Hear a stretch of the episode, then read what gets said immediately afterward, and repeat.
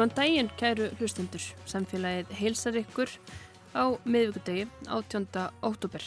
Guðmundur Pálsson og Arnildur Haldanadóttir eru umsunumenn. Í morgun kom út fjórða skísla vísindanemdar um lofslagsbreytingar og þar segir meðal annars að skíslan staðfesti svo ekki verður umvilst að lofslagsbreytingar séu byrjaðar að breyta náttúrufari og lífskilurðum fólks á Íslandi með vaksandi áskorunum fyrir efnahag, samfélag og náttúru.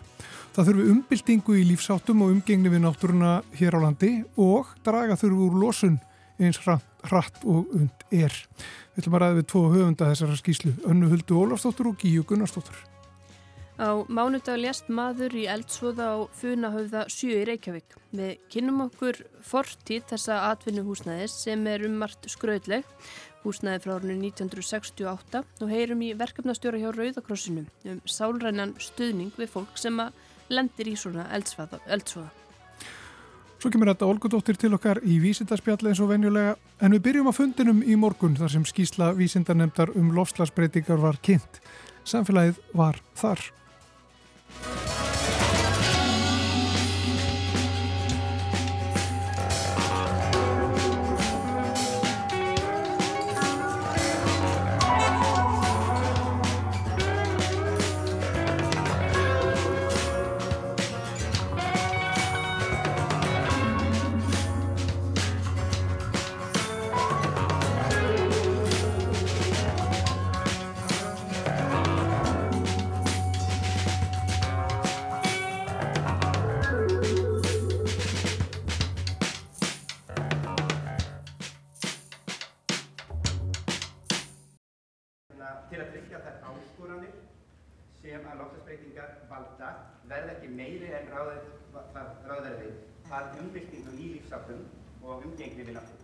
Ég er frá samfélaginu Ráðsveit, má ég spyrja þig hvað þú varst að gera hér?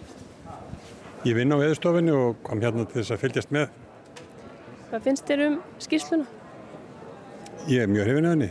Hún er benskjætt og segir þess að segja þarf. Og nafnið þitt? Tómas Jóhannesson. Hvernig, hversan er þú hér í dag? Ég er prófessor í skiplarsfræði við Landbúrláðarskóla Íslands. Skiplarsmál gegna líki hlutverki í sambandi við viðbröð við hvernig við að minga uh, eh, vissbóru okkar. Varst einhvers vísari eða vissir þetta allt nú þegar? Ég vissi þetta allt nú þegar, ég hef bara hlust á hvernig þetta er sett fram, kannski meira og já, hvernig samfélagi vinnur með þessi mál. Og nafnið þitt? Harpa Stefánsdóttir. Takk. Eh, finnur umhverjum umhverjum, hvað fannst þér um skýrslunum? Uh, mér finnst þetta bara frábært að þessi skýrsla hafi verið gerð. Uh, rosa mikilvægt að fá þessar upplýsingar fram um, um þau áhrif sem að verða á Íslandi uh, vegna losasbreytinga. Að því sögðið þá sínur við okkur líka að það er greiðilega mikilvægt að við grýpum til rótækjari losasaðgerða heldur en við erum að gera núna. Stjórnvöld eru ekki að, að hegða sér í takt við þessar upplýsingar og, og greiðilega mikilvægt að þau farið að taka sér verulega á. Spyrja bara hvað ykkur finnst um, um þennan viðbörð, þessa skýrslu. Einhver, einhver tórnaland. Björn, Björn, hann er hér á aðeins. Já, já. Þið sleppið ekki nei. Þetta var bara alveg gríðarlega góð yfirferð yfir rosalega stort og mikið mál. En við erum fyrir því að menn geti eh, sumir að þetta upp á einum og hálfum tíma. Hérna komu fram mjög greina góðar upplýsingar, bird's eye view, mjög og, og það sem menn tóku tillit til uh, allra málaflokka í rauninni menningar, verkfræði uh, raunvista og svo framvis Og nafnið þitt? Uh, Björn Karlsson heiti ég. Þetta voru gestir á fundi í morgun þar sem að var kynnt. Þessi losla skísla fjóruða skíslan og ég er nú aðeins hérna bara ský, er þetta ekki vísinda hérna nefndar hérna hjá okkur tæknina áður höldum áfram. Skísla vísinda nefndar um, um lofstafsbreytingar er, er, er það ekki? Fjóða samanfækta skísla Já, Já. það eru komnar hingað í, í stúdjó Já, við erum svolítið hérna að, að, að snúa tökum hérna í byrjun. En uh, það er sérstaklega okkur Anna Hulda Ólastóttir sem er skrifst, hjá skrifstofu lofslagstjónustu aðlugunar á, á veðurstofunni og uh, Gíja Gunnarsdóttir frá Embati Landlæknis. Verið velkonar til okkar. Takk. Þetta er viða mikið skísla eðlumálsins samkvæmt og, og margir sem koma að gerð hennar. Mm -hmm. Ef að byrja bara á uh, því sem að já, þessi skýsla á að, að draga fram og af hverju við erum að standa þessari miklu vinnu og þið? Já, þeirra stórt er spurst.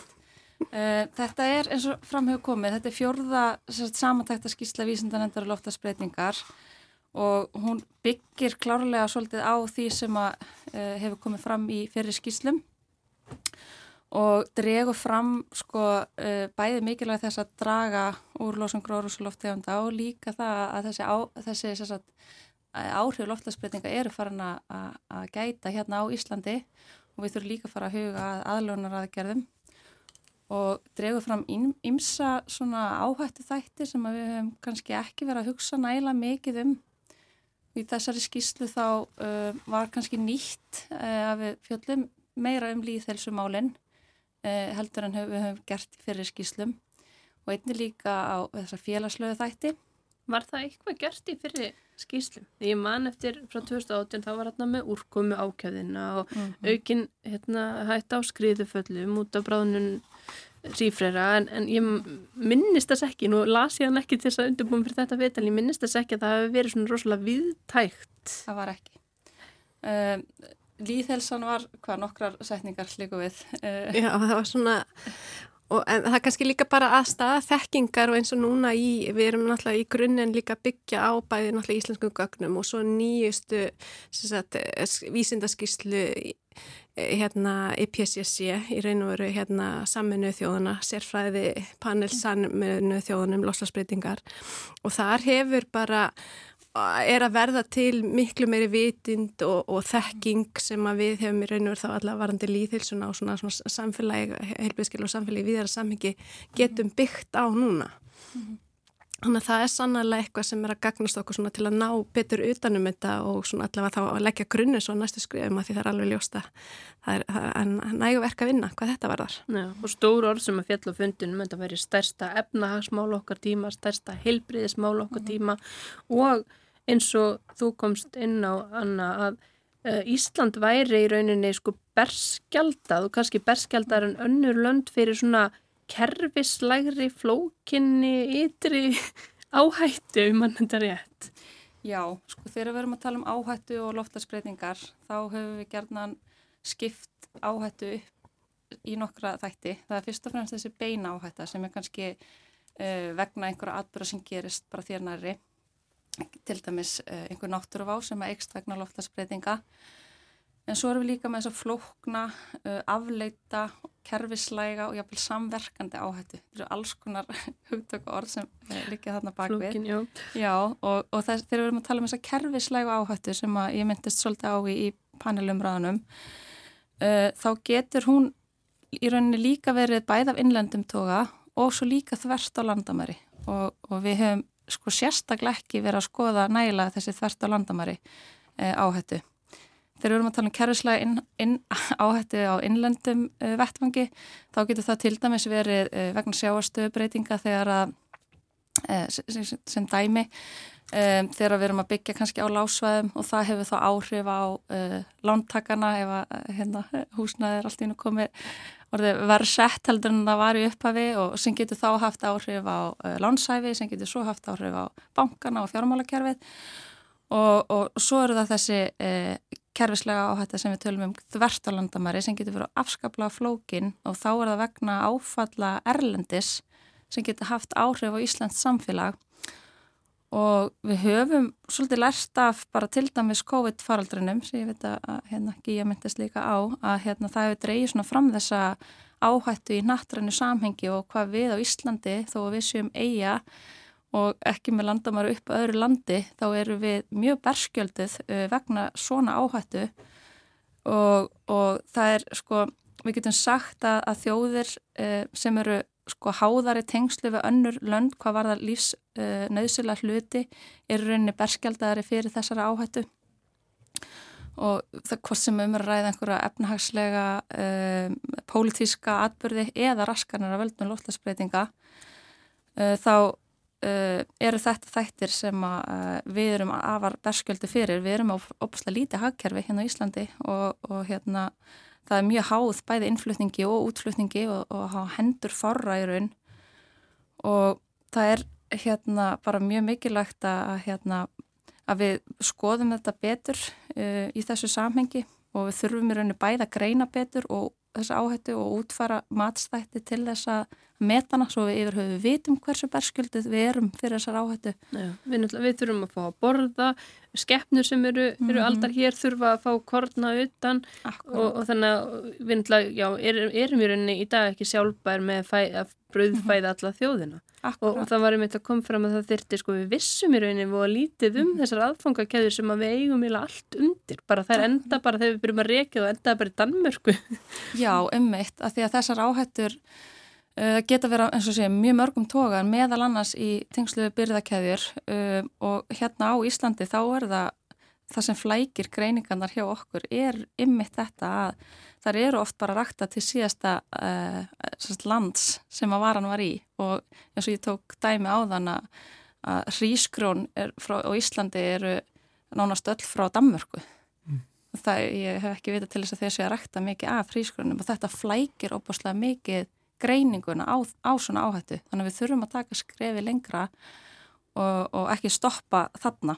Og það er líka svolítið mikilvægt að gera sér grein fyrir í þessu samhengi þegar við erum að tala um þessu áhættu. Maður getur náttúrulega að tala endalast um svona flókna áhættu því þetta er flóki viðfarsamni en um, að við erum ekki bara að tala um þessar beinu afleggingar sem að geta valdið þessari kerfislega áhættu heldur líka sko hvaða aðgerðir þjóður ekki taka til og að grýpa til til þess að bregðast við um, þessum áhættum að því þessar aðgerði geta haft áhrif langt út fyrir eh, landamærin, bara til dæmis útflutningshömlur á, á í kjölfar einhver uppskjörubrest sem kom kannski til vegna þurka eða, eða skóaralda eða eitthvað slíkt. Fólk fyrir svona að líta sér nær, það er svona fyrir sig á nött kannski, en, mm -hmm. en ég næring og helsa þetta tengist svolítið, Gíja, þú ert að skoða áhrif á helsu og líðhelsu í svona svolítið víðu samhengi, getur bara aðeins tæft að því, sko, þetta eru ótal snertifléttir í rauninni sem að helbrið og helsa hefur við loftslagsbreytingar, getur aðeins farið yfir það? Já, hún gerir það og þess vegna kannski uh, er þessi yfirlýsingi á alþjóða heilbríðismálastofnun að þetta sé stærsta heilsufarsóknin sem að mannkynni stendur frammi fyrir af því að lofslagsbreytingarnar hafa áhrif á svo gríðarlega marga þætti og einmitt sko heilsa, við erum að tala um andlega, líkamlega, félagslega heilsu og líðan fólks og það er bara meira og minna allt undir í samfélaginu.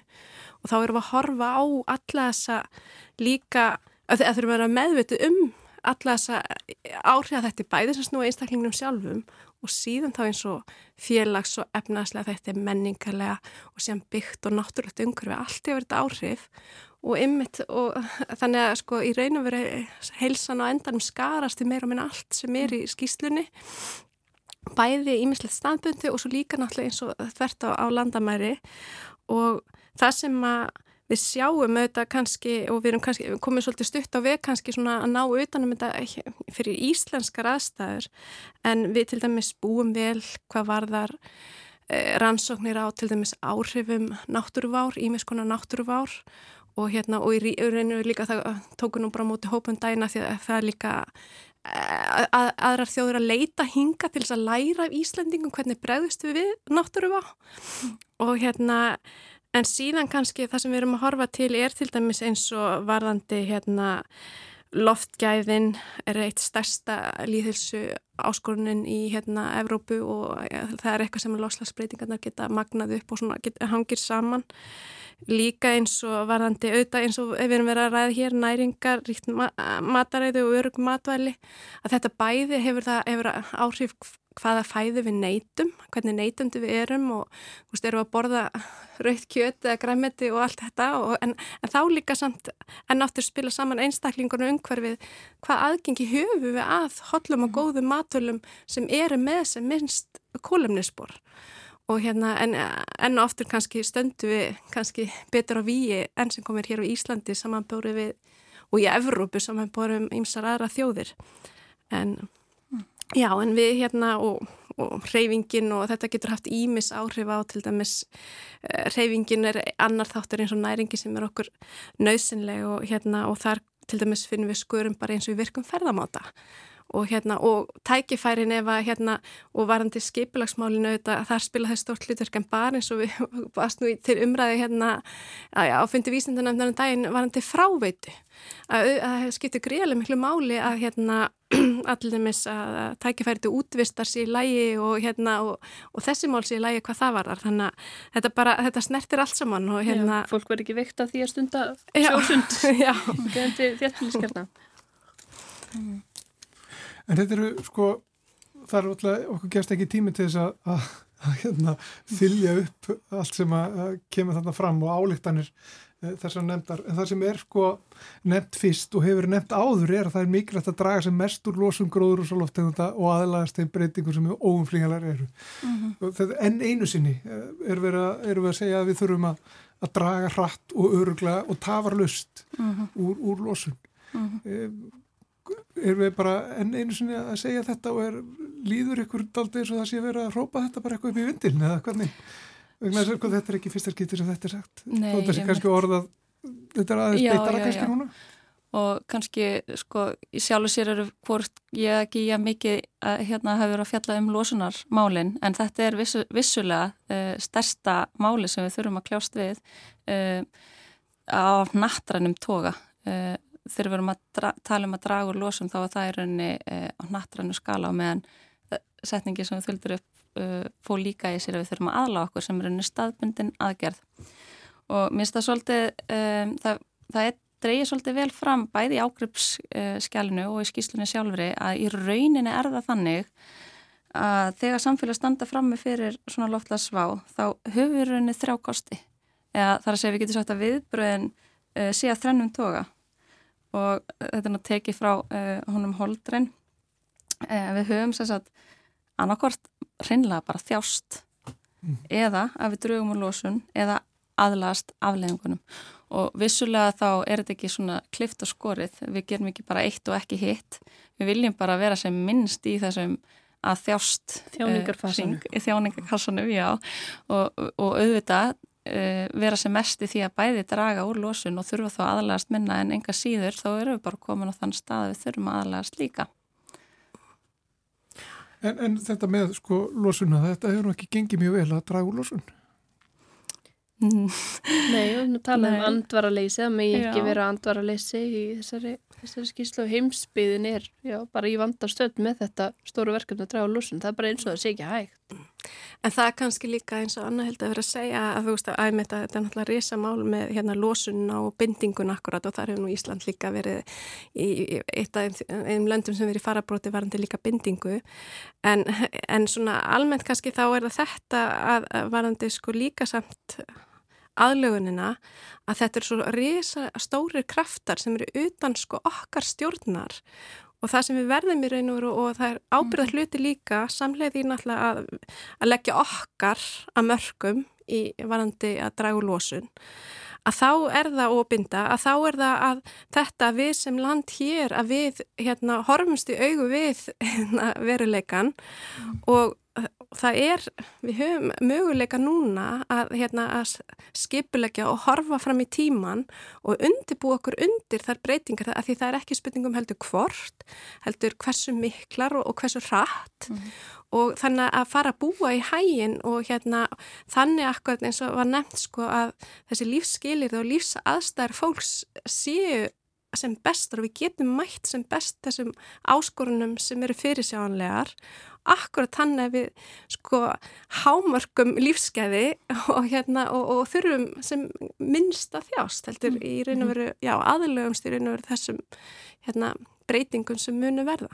Já og það er svona dreygin upp, við fáum smá vísbendingar um hvað framtíðin byrjir skautið sér í þessari skýslu hér á Íslandi, talaðum um að hýtast í leirættum með fyrir átt með munni hækka fyrir miðbygg þessar aldar um 1 til 1,7 gráður og svo er talað um að fyrir lokaldarnar geti að fara upp í alltaf 3,5 gráður með náttúrulega rosalega línun. Og svo er talað um sjáumálshækkununa hún, svona það er svona líkur ekki alveg fyrir en hún getur orðið svolítið mikil svona á þeim svæðu sem er ekki að liftast upp. Akkurat og það er náttúrulega óbúslega mikil óvisa í kringum uh, sérstaklega fyrir okkur Ísland varandi sjáastega hækkununa við vitum og það, í rauninni kannski svo hann kom aðeins inn á formar nefndar hann Haldur Björnsson í, í erindi sínu að, að hérna um, að við, í rauninni við vitum að sjáastöða hækkunum er nega sér stað um, og við getum í rauninni skipulagt okkur út frá þeim gögnum sem við höfum núna. Við höfum reiknað 100 ára flóð með við núverandi aðstæður sem eru rauninni með 1% líkur á hverju ári í kringum Ísland og það ætti rauninni að vera nóg fyrir okkur til þess að skipulegja okkur svolítið rétt uh, vegna þess að landa okkar líka líka bara svolítið þannig upp á bara landhæð uh, hvernig hver það er sem að, flæðir inn. En það er óbáslega mikil óvisa hens vegar í tengslu við söðuskvötið, sérstaklega ef við erum að tala um sjáastu breytingarnar sjáastu hækkununa því þar eru svona snjóbolt áhrif sem gætu fara af stað og þá eru við ekki lengur eins og við erum núna. Hvað segja við græðum vissuleiti svolítið á því þegar grænlandsjökull er að bráðuna meira heldur en suðuskvöti ef maður getur orðað að svo lesa þar að segja uh, sjáastu ígildin þau dreifast öðruvísi yfir nöttin því grænland er það nálat okkur. Uh, en meðan uh, það, það er alls ekki þannig og, og hérna því er öfugt þegar suðuskvöti er, er að bráðuna og það getur að haft ofbóðslega miklar aflengar sem við höfum í rauninni ekki verið að, að hérna, gera ráð fyrir. Já, bara einhverju metrar. Já, já, og ég meina að við höfum aldrei upplegðið þetta áður og þú veist alltaf þegar við erum að horfa sviðsmyndir, þetta er í rauninni svolítið bara eins og sögur. Veist, við erum að taka inn ákveðna breytur inn í mótel ef að við gerum þetta og þetta og þetta en þetta er ekki líkindi Vist, við getum ekki sagt það mun hlýna svona mikið með svona miklum líkum að þetta er alltaf háð þáttum sem við setjum inn í mótelið okkar eða það er að segja það sem við gerum. Þannig að aðgerðar okkar munu alltaf hafa áhrif á framtíðina. Þetta er bara svona hjálpar tól til þess að sjá hvað er það sem gæti gerst.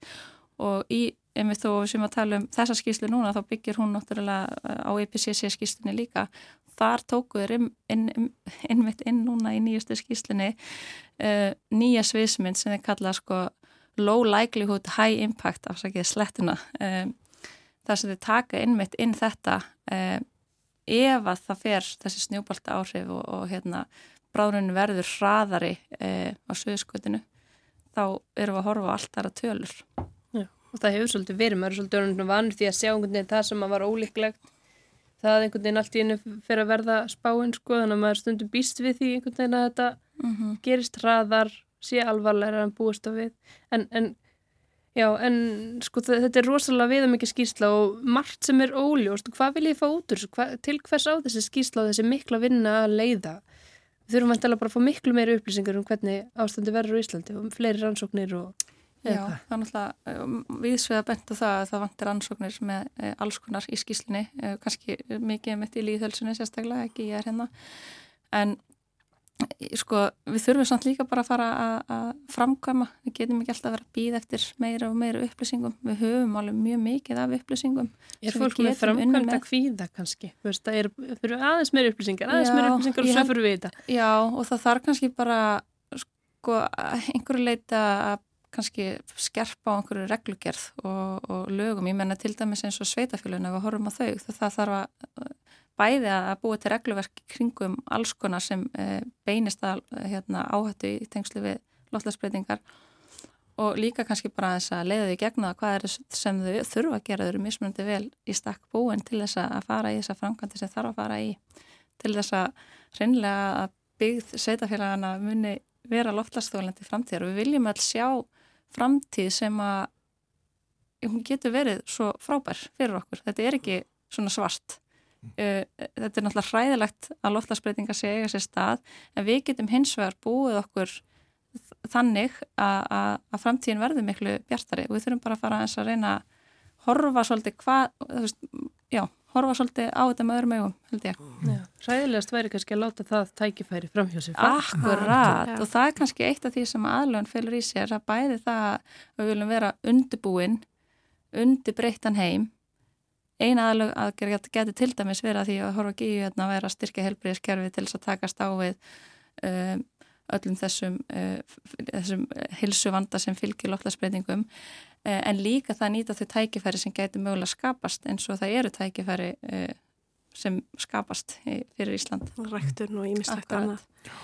En... Bara, bara rétt svona í lókina þegar tímin er að, er að klárast hjá okkur, það er talað um að það þurfu umbyltingu í, í lífsáttum og umgengnum við náttúruna uh, hér á landi sko slík umbylting kallar hún þá ekki bara á mjög stór skref og miklu stærri skref en við höfum náttúrulega tekið og miklu stærri skref en við höfum áallað að taka Jú Jú, það er í raun og veru bara eins og kom fram í morgun að það er náttúrulega leikil eru ríki, sveitafélag og atvinnulíf sem að geta með sínum aðgerðum haft alveg gríðarlega mikil ás, leikil áhrif varðandi bæði lósunna og mm -hmm. svo varðandi aðlögunna þannig að það er ekki spurning og svo svo að almenningur að fylgja með og við öll þetta er samfélagslegt verkefni sem að mm. allir hafa sitt hlutverk. Já.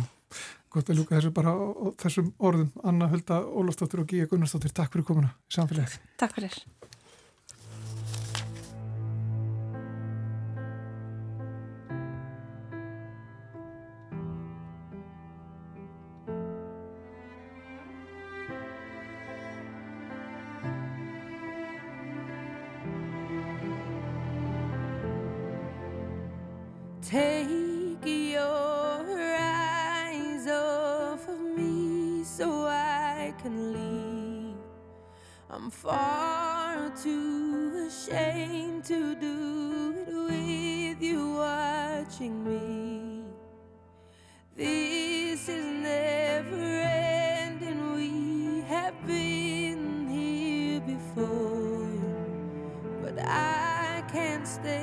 this time cause I don't love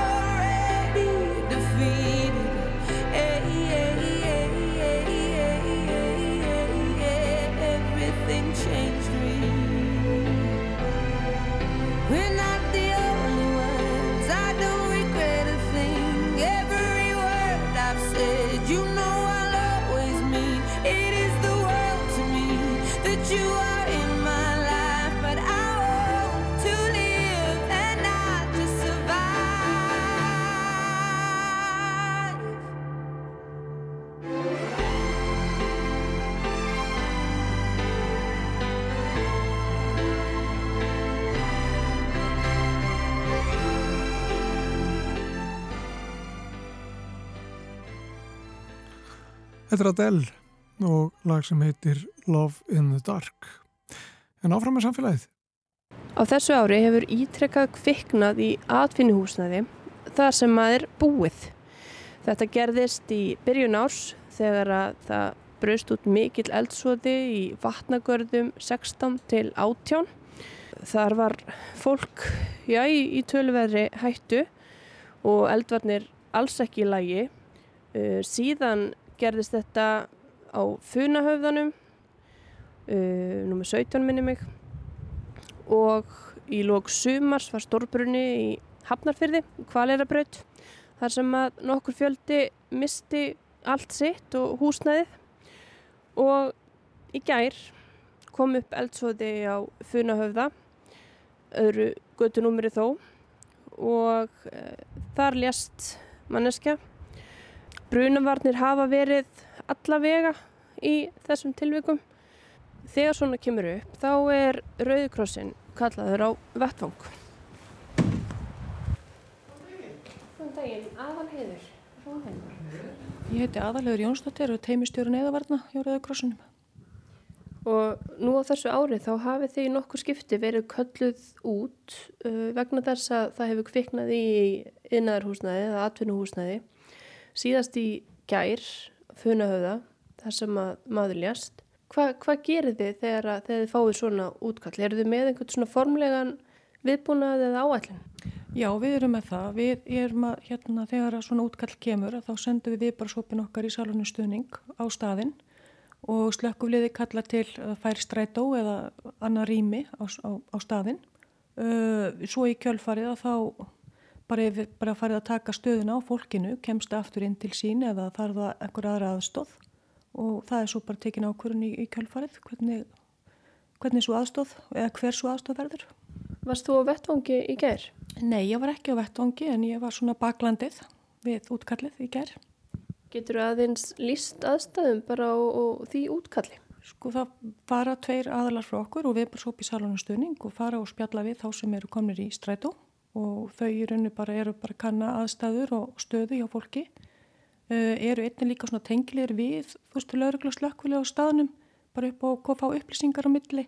Ef að fólki vantar eitthvað, þú veist, margir klæðalitlir og, og hérna vantar ég að lifi eða annað sem hefur orðið eftir inni þannig við reynum aðstofa fólk við að svona, nálgast svona nöðþurftir svona strax í upphafi um, svo í rauninni bara reynum við að afla upplýsingar hvernig fólk kemst tilbaka eða hvort það kemst tilbaka og ef að svo er ekki að þá reynum við aðstofa fólk við að komast í samband við sína nánustu ef þeir hafa eitthvað, bakland eða að við útvöfum gistingu þá fyrir einanótt eða þú veist fyrstu nóttina og meðan að fólki er svona aðeins átt að sjá stöðumála. Og þegar að þið uh, farið svona vettvang, eru þið þá með tólka eða hvernig eru samskiptin ef að fólk er kannski ekki talandi á íslensku? Sko, við höfum í raun ekki önnur tungumál heldur en ennsku þegar að svona kemur upp en við höfum aðganga af svona síma tólka þjónustu ef, að, ef áþarf að halda. Og þetta er í rauninni ef að það er stórbrunni eða, eða eldsvoði einhver staðar það sem fólk er, þá er þetta bara formlegt verklaðar það ekki að, að þessi sálverðin stuðningur er kallaður út, bursið frá því hvort sem það er í, það er í innarhúsnæði eða bara einhverju blokk í vestupennu. Já, það er alveg sama ferli sem fer í gang. Þetta er alveg formfast og, og við bregðumst bara við um leið og óskaðar eftir aðkom okkar. Nú er þetta já, í fjórða eða fymta skipti á þessu ári sem það kemur upp eldur í innarhúsnæði þar sem það er búið. Uh, við munum kannski eftir brunanum í vatnagörðum í februar, svo brann af stórbrunni og kvalerabraut núna í, í ágúst og í þessum tilvikum og svo núna í gær þá hafið þið komið á, á vettvang. Er eitthvað öðruvísi við þessi útköll heldur en þegar það kviknar í, í íbúðarhúsnaði? Sko það er náttúrulega það helsta sem er öðruvísi í þessum, þessum útköllum með að við þau sem eru bara í svona hefðbundnu íbúðarhúsnaði, skilgrendu íbúðarhúsnaði, blokkar íbúðarhúsi eða annars líkt að það er ofta þeir sem eru í, þeir hafa sko miklu minna bakland heldur en, heldur en aðris. Þannig að það er svona helsta, helsti vandin getur við sagt fyrir þá sem að, hérna, sem að við stöndum frammeð fyrir að hérna svona alla jafna þá getur fólk ættingi getur farið til fóreldra að vinna ættingja en að meðan svona rétt á meðan en aðrir svo, margir í þessari stöðu hafa ekki önnur hús að venda í kjölfarið. Þannig að þú þurfa jafnvel bara að fara að finna sér nýtt húsnaði og komast ekki aftur tilbaka þá kannski sem að þú veist í þetta húsnaði sem brann. Hafið þá lendið því sko um, ef að fólk fær gistingu í eina nótt en er ekki með neitt bakland, skortir nýtt húsnæði þetta er náttúrulega svolítið svona setur allt upp í loft í tilveru fólks að lenda í þessu vera kannski að leiði eitthvað eitt herbyggi og missir allt, alla búslóðuna líka kannski enga tryggingar. Sko við höfum aðstofað fólk með að fá til dæmis fatnað, ef það hefur mist allan fatnaðina þá hefur við geta fengið hérna föt hjá okkur. En við höfum í rauninni vola lítilönur úrræði nema bara það er félagstjónustan sem er að aðstofa í mörgum, tilvik, mörgum tilvikum og hérna og atunureikandur og fleiri þannig að það er Hvað voru margir sem að þurftu að nýta gistingu á ykkar vegum? Það var, á endan var einn sem þurfti gistingu hjá okkur það leit út að væri þrýr en það voru bara einhverju eitt sem þurfti raun að vera gistingu svo. Og voru margir sem nýttu sér áfallahjálp eða sálurinn stuðning? Sko það hefur ekki komin á bort til okkar ennþá. Það var náttúrulega veittur sálat stuðningur bara í, í strætó eða í, í rútunni fyrir utan og hérna þannig að það var svona og þetta er kannski fólk illa áttaf á þessari stundu. Þannig að þeim býðist alltaf að hafa samband við okkur tilbaka gegnum 1717 eða hérna gegnum hérna bara skiptibori hjá okkur ef að óskaður eftir. En, já, en það fengu allir sem að voru í strætt og fengu, fengu spjall. Takk fyrir að upplýsa samfélagið um, um þetta þannig þátt í starfi Rauðagrossins Já, bara velkomið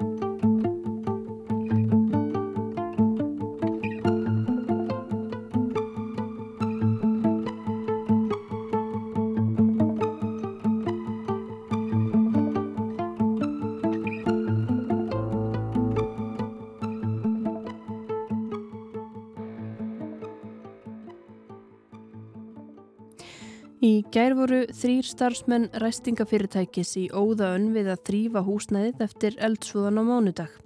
Þau undu tuskur, stóð upp á stólum og skúruðu loftin.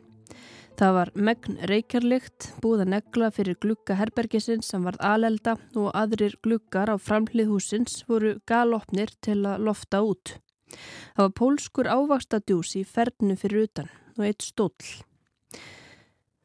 Þegar komið er inn í andirið tekur við stigagangur, hreinlætis aðstæða beint af augum og svo langur gangur til begja átta. Herbergið sem brann var nálagt inganginum, á gólfinu möllbrotin og brunnin mynd af blómi í vasa og í ruslakörfu við ingangin pappaskildi, klósdór og broskall. Undir því var staplega brefum frá mótus. Ræstingafólki var frá Pólandi og saði að þarna byggju aðalega samlandar þeirra og fólk frá Venezuela og Rúslandi og að þau byggju þar enn, líklega um 30 manns. Sangat slökkuliðinu er hluti húsins óýbúðarhæfur en restin ekki, það þarf bara að ná ólíktinni úr loftinu. Þetta húsnæði sem að í dag flokkast sem atvinnuhúsnæði hefur verið í svona útlegu lengi.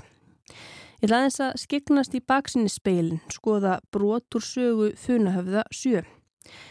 Þegar ég var að skoða búsetu í atvinnuhúsnaði fyrir fréttaskýringa þáttinn Kveik í vor, fekk ég meðal annars skilabóð og reynslusögur frá fólki sem að hafði búið í funahöfða sjö. Heyrum nú einast líka. Ég flutti til Íslands fyrir tæpum tíu árum og bjóð þá á fyrstu hæð í funahöfða sjö. Þetta var 13 fermetra herbergi sem ég deildi með öðrum, sameinlegt baðherbergi og eldhús. Eigandanum stóð á sama þó allt var í rúst. Nágrannandir voru háaðasamir, reyktu inni, það voru slagsmál og drikkjulæti og oft ummerki um átök næturinnar að morni, flöskur og blóðslettur. Við greitum 70.000 fyrir herbergið. Það voru mís í eldhúsinu og skrítnar pöttur inni á baði. Engin þreif og engin verkværi til þess. Það var eitt slökkutæki. Aðaldyrnar stóðu alltaf opnar og ekki hægt að læsa. Hinardyrnar voru fastar. Okkur leiðins og heimilislösu fólki í yfirgefinni byggingu en það jákvæða, við höfðum hita og vatn Rámagni var stundum í ólagi og netið. Starsmönnum tveggja byggingafyrirtækja var skaffað þetta húsnæði. Gabriel Benjamin, fyrrum bladamaður á stundinu og varamaður í stjórn Vaffer, hafði líka samband. Heyrum hans sögu af Funahöfða 7. Ég man eftir því að mæta á Funahöfða 7 til að taka viðtalið við mann sem hafi verið stungin af lauruglu í laurugluhaldi. Þetta var í oktober 2014 og jábel þá var leikumarkaðurinn erfiður fyrir þá sem hafði ekki stert bakland. Viðmannandi minn, Sjaflar Menka, var með alþjóðlega vendi í öðru landi en vildi búa á Íslandi. Hann sagðist að það fundi fyrir einhverju líu frá landinu og þjóð og því keitt hann flugmiða á nokkura mánu fresti hingað með peningur sem hann fekk fyrir verksmiðstarf á Ítalíu og lifði svo hér á landi á því fyrir sem hann fekk fyrir að sapna dósum í miðbæri Reykjavíkur. Chaplars bjó á annari hæð í einu af tíu eða ellefi herbyrgjum. Ég man að flúurljósin á teppalaða ganginum voru mörg hverbrotin, eldúsið var fábrotið og salernið sem var einnig vaskaherbyggi var með tveimur þvóttavælum sem lítið þá út fyrir að hýsa þó nokkra miklu. Í kringum húsið var fátt annað að sjá en yðnaðarhús, dekkeverkstæði og bílasölur. Lítið var maturverstanir og því þurfti íbúr að ganga þó nokkra vegalengd fyrir nöðsina verum. Viðmældi minn bjó í herbyggi sem var um 15 metrar á stærð en hann sagðist borga aðeins 40.000 krónur því leifusala hans fekk að gema fjölmörg gömul sjómörp og gerfi leður sofa í herbygginu. Húsgögn hans voru sum hver að liðast í sundur en öll veröld hans tjaplas virtist verið í þessari ymdarlu íbúð eftir að hann var stungin af flaguröglu. Eftir að særast var jáfnvel þessi örþunni verndarhjúpur hrifsaður á hann þar sem hann gati ekki lengur sapna dósum og átti í miklum erfileikum með að borga leiku og kaupa sér mat. Eftir ég tók viðtal við hann vildi hann í rætti við aðra vini hans sem byggu í þessari og nærliggjandi íbúðum sem voru í svipuðum aðstæðum. Hún tókst að framfleita sér í nokkra mánuði en í síðasta skipti sem ég hitt hann var búið rekan út á götuna og hann var við það að verða handtekinn úr lauruglunni. Hún var síðan vísað úr landi. Í dag siti ég stjórn vaffer en eitt af stóru verkefnum verkefliðsreifingarinnar er að berjast fyrir mannsæmandi húsnæðskostum fyrir félagsmenn okkar og landsbúa. Þessi upplifin situr mjög stert í mér, en engin á að þurfa að búa því svona aðstæður. Engin á búa því svona hættu. Við þurfum að gera betur. Síðan þetta var hefur húsnaðið skipt um eigendur. Annað fyrirtækjana sem að sá sem að þarna bjó fyrir tæpum tíu árum segir að hafi á sínum tíma skaffað starfsmönnum húsnaði. Það fór í þrótt og eigendur þess voru dæmtir fyrir stórfæld skattalega brott. Árið 2016 sagði Rúf fréttir af því að pólskir borgarar hefðu leita til sendiráðsins umkomu lausir. Þetta voru starfsmenn sem að unnu fyrir annað verktakafyrirtækið og byggu þarna í funahöfða sjö við rörlegar aðstæður, segir í fréttinni. Þeir höfðu sambandsast við pólska sendiráðið því að þá hafði verið lokað fyrir rámagn í húsnaðinu vegna vangoldina reikninga og nágranni mannana sem ekki vildi láta napsins getið saði í samtali við fréttastofu þarna 2016 að mennitir hefði verið óttastlegnir umkomulausir og hungraðir og hann hafði gefið þeim að borða. Húsnaði fór í sölu og í fastegnaauðlýsingu frá árinu 2020 er talað um góðar leigutekjur. Í fyrra byrti Djefaf fréttum fátakrakverfin í Reykjavík og nefndi funahöfða sjö, slagsmál út af síkarettum og brotinn bein. Nýting húsins sem er frá árinu 1968 verðist enn vera svipuð, einhvers konar herbergja leiga. Húsnaði var í vor á lista slökkviliðsins yfir atvinnu húsnaði þar sem búið er og bæta þar brunavarnir en slökkuliðið hefur átt fundi með núverandi eigandum og þeir brúðist við ábendingum. Brunavarnir voru því metnar í lægi þó eitthvað hafi enn átt eftir að bæta. Ég hef ekki fengið viðbröð frá núverandi eigandum húsins eða svörum hvort þau sem að þarna búa og byggu hafi verið starfsmenn starfsmannaþjónustu sem tengist hluta eiganda eða hvort þau hafi verið á eigin vegum.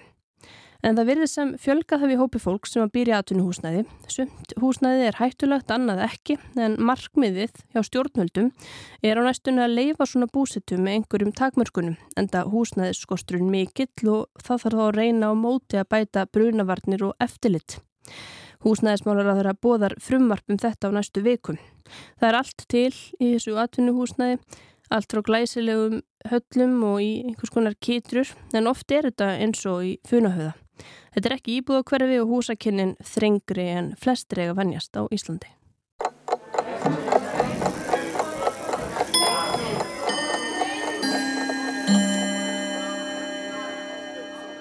Þegar tvö orð eru mjög lík og skilin milli merkingar þeirra ekki alveg ljós getur orðið rugglingur. Rugglings verður stundum vart með orðin vanhæfi og vanhæfni. Þau eru mjög lík í útliti og framburði en merkja ekki það sama. Skoðum þau aðeins betur. Þau eru bæði mynduð með fórsketunum van sem merkir annars vegar ekki nóg eða ófyllnæjandi og hins vegar mis, rang eða illa. Síðari merkingin kemur fram í orðum eins og vanvirða og vansæmandi en svo fyrri orðum eins og vanhyrða og vannærður og jú, vanhæfur og þar af leiðandi orðunum vanhæfi og vanhæfni. Hvorukins orðið hæfi merkir það sem á við er við hæfi og það að vera hæfur til einhversa lögum. Kvenkins orðið hæfni merkir færni, það að hafa hæfileika til að gera eitthvað.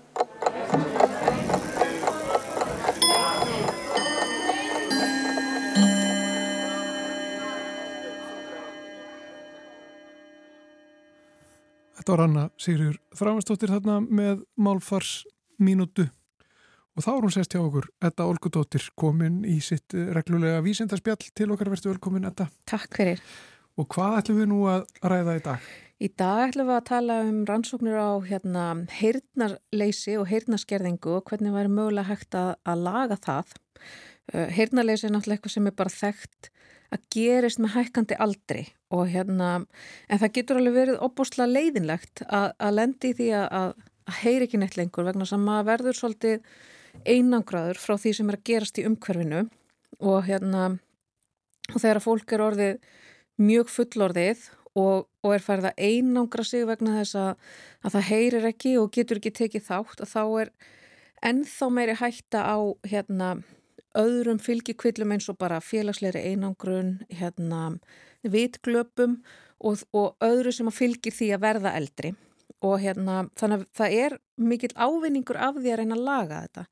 Og svo er heyrnaleysi líka náttúrulega þekkt bara sem um, arfgengt arfgengt heyrnaleysi eða heyrnaskerðing og þar er kannski svona einhverjir uh, erðaþættir sem liggja þarna baki Og við höfum alveg fullt af rannsóknum þar sem er verið að hérna, reyna að laga það með því að bæta upp virknina á þessum genum sem að, að valda heyrnaskerðingunni og þær hafa gefið góða raun og þá er ég nú aðalega að vísa í rannsóknir sem eru framkvæmdar á músum þar sem er hægt að laga eða, eða draga úr ef það er ómikil tjáning, fyrir náttúrulega hvað er að. Eh, en það er kannski ekki beint sko verið að horfa á heyrnaskerðingu sem gerist á fullorðansárum og þar er náttúrulega kannski sem betur fer mesta þörfin. Það eru kannski flesti sem eru að, að, hérna, að, að glíma við heyrnaskerðingu á efri árum og, hérna, og núna lögum við það bara með sko, heyrnatækjum og þau hafa hérna, þróast helling og gera mjög, mjög mikið gagn en þau treysta náttúrulega á að það sé virkni í lífærinu. Og þegar að virknin mingar eftir því sem hún mingar að þá verður náttúrulega erfiðar að bæta upp e, skerðinguna með tækjum. Og svo höfum við líka stundum hérna, bætt upp heyrnaskerðinguna bara með ígræslu. Það er að segja hérna, kuðunga ígræslu. En það er náttúrulega líka takmarkað vegna þess að það er ekki til endalust af kuðungum til þess að græða í fólk sem að, glýmir við heyrnaskerðingu.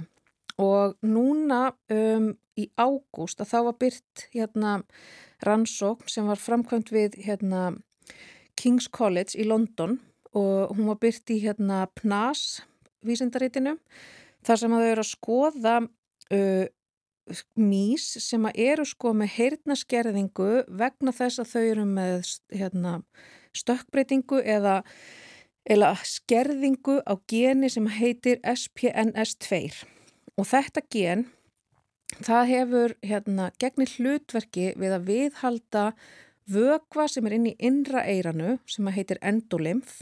Semst vögvin heitir endolymf og hann er mjög kaljumríkur vögvi og hann hérna gegnir því hlutverki meðal annars að miðla hljóðbylgjunni þegar hún kemur inn í innra eirað og vögvin sem sagt hérna, hljóðbylgjan ferðast eftir vökvanum og það verður hérna ákveðin svona umpólun vegna þess að það er mjög mikið af kaliumjónum og þá opnast fyrir önnur jónagöng og þá heldur hljóðið áfram inn í heilan og við getum farið að vinna úr því. Og eftir því sem við eldumst þá hérna mingar getur okkar til þess að viðhalda þessum vökva sem er mjög leiðilegt vegna þess að þá missum við heyrnina en við missum líka stundum jafnvægið vegna þess að þessi vökvi gegnir líka miklu hlutverki við jafnvægiskinni sem að fer fram hann í innra eiranu líka. Þau eru semast með mís sem eru erðabreittar þannig að þetta gen SPNS2 það virkar ekki en það er hægt að virkja það með því að gefa músunum tamoxifen sem er sko krabbaminnslif og þetta er gert vegna þess að þau eru bara raunverulega aðtuga er hægt að kveika á virkninni á þessu geni á, á sko setni stigum lífslegarinnar eða hvenar sem er á lífsleginni og þannig leiðir rétt að það að þessi vögvi er ekki að viðhaldast eða það er, við erum ekki að framlegan eða hann hérna að við fáum vittlusa uppskrift á honum ef svo má segja. Og þau sem sagt prófa þetta, gefa músunum tamoxifen á svona nokkra vikna fresti, eru með mismunandi hópa og gefa þeim á nokkra vikna fresti og sjá að það virkar að setja framleiðsluna í gang á þessu geni hvort sem er þegar mísnar eru ungar eða þegar eru komnar á setnisti lífsferilsins. Og það þýðir, það, þá eru þau raun og verið að herma eftir því sem myndi gerast ef við værum með uh, fullorðið fólk. Í staðan fyrir vegna þess að við oft erum að horfa á þetta þannig að við getum sko lagað heyrnaskerðingu sem á sér stað hjá hérna unga börnum eða börnum, bara ungu fólki sem hefur ekki náð þeim þroska að hérna það búið að læsa einhvern veginn öllu kerfinu og þá getum getu við sagt bætt upp fyrir það sem vantar og svo hérna klára, klára badni þróska sinn og næra að viðhalda heyrninni. En þarna erum við með fullornan mís, það sem er hægt að kveikja á framleiðslunni á þessum vögva og laga það og hérna heyrnaskerðingin gengur tilbaka hjá músunum. Þannig að það er fá heyrn. Það er fæðast hans að heyrnalausar og fá svo heyrn eftir að kveikja á þessu. Jaha.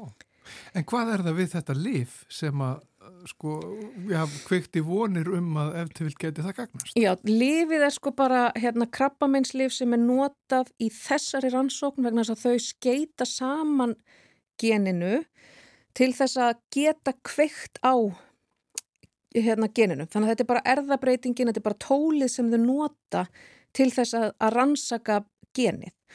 Og hérna þetta SPNS2 gen það gegnir hlutverki okkur við að framleiða vögvan en svo kemur svona aðeins smá tvist á þessar ansókn það er ekkit mikið um það að við séum meðendilega eitthvað breytingu í þessu geni sem veldur heyrnaskerðingu þannig að það sem að þau er að gera hér er kannski svona á góðri íslensku hérna proof of concept.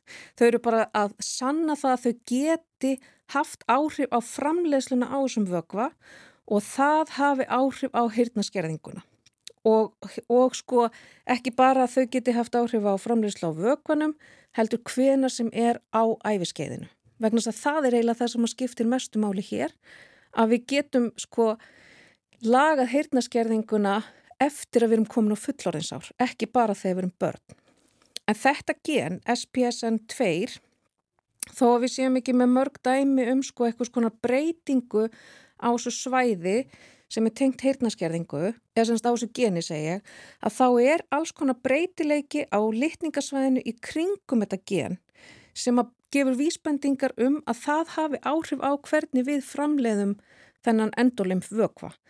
Þannig að hérna, kannski er einhver breytileiki sem að veldur því að sko framleiðslan dalar hraðar hjá sumum og þá gætu við einhvern veginn reynd að sko endurvekja þá framleiðslu þó við myndum ekki gera það með þessu tamoxifen geni vegna þess að það er bara sérstök hérna, erðabreiting sem var gerð fyrir þessa rannsókn. En það sem eiginlega sko liggur eftir núna er að skilgreina hvaða gen koma við sögu hjá manninum við framleiðslu á endolimfvögvanum og hvernig getum við virkja þau þegar að hérna, aldrun færist yfir og hirtnaskerðingin fer að hafa áhrif á okkur. Og hvert eru við komin í þessu rannsókn? Hversu langt er þetta komið? hún er rosalega stutt eins og er erum við bara með þessa hérna svona, hvað var að segja sönnun fyrir því að það er hægt að hafa áhrif á uh, framleiðslun á vögvanum um, hversu vel við þekkjum ferlana sem liggja á bakvið framleiðsluna, ég bara verða viðkjöna, ég veit það ekki alveg, ég hugsa við séum ekki með neitt rosalega stórt gagnasett þar á bakvið. En við erum allavega komin með svona ákveðna von í hendurnar að þegar við hérna, erum búin að afla þessara þekkingar að þá höfum við hérna, tól til þess að koma hérna, þessari þekkingu í lækningu, að, að búa til einhvers konar lækningu e, við heyrnaskerðingu þegar við höfum hérna grundvöllin lagðan. Og enn og aftur eru það blessaðar mísnar sem að koma okkur til björgar. Já, það er gera ímislegt fyrir okkur sko. Þetta var Orgudóttir, gaman að fá því heimsókn í vísenda spjall eins og vennilega. Takk fyrir komuna. Takk fyrir mig. Og með vísenda spjallinu ljúkum við þætti dagsins hér í Já. samfélaginu. Og verðum hér aftur á morgun. Guðmundur Kannski með minni, minni flumbrugang, Já, já, já, kannski. Sennilega. En Guðmundur Pálsson og Arnildur Haldanadóttir þakka fyrir sig þennan daginn. Við heyrust á morgun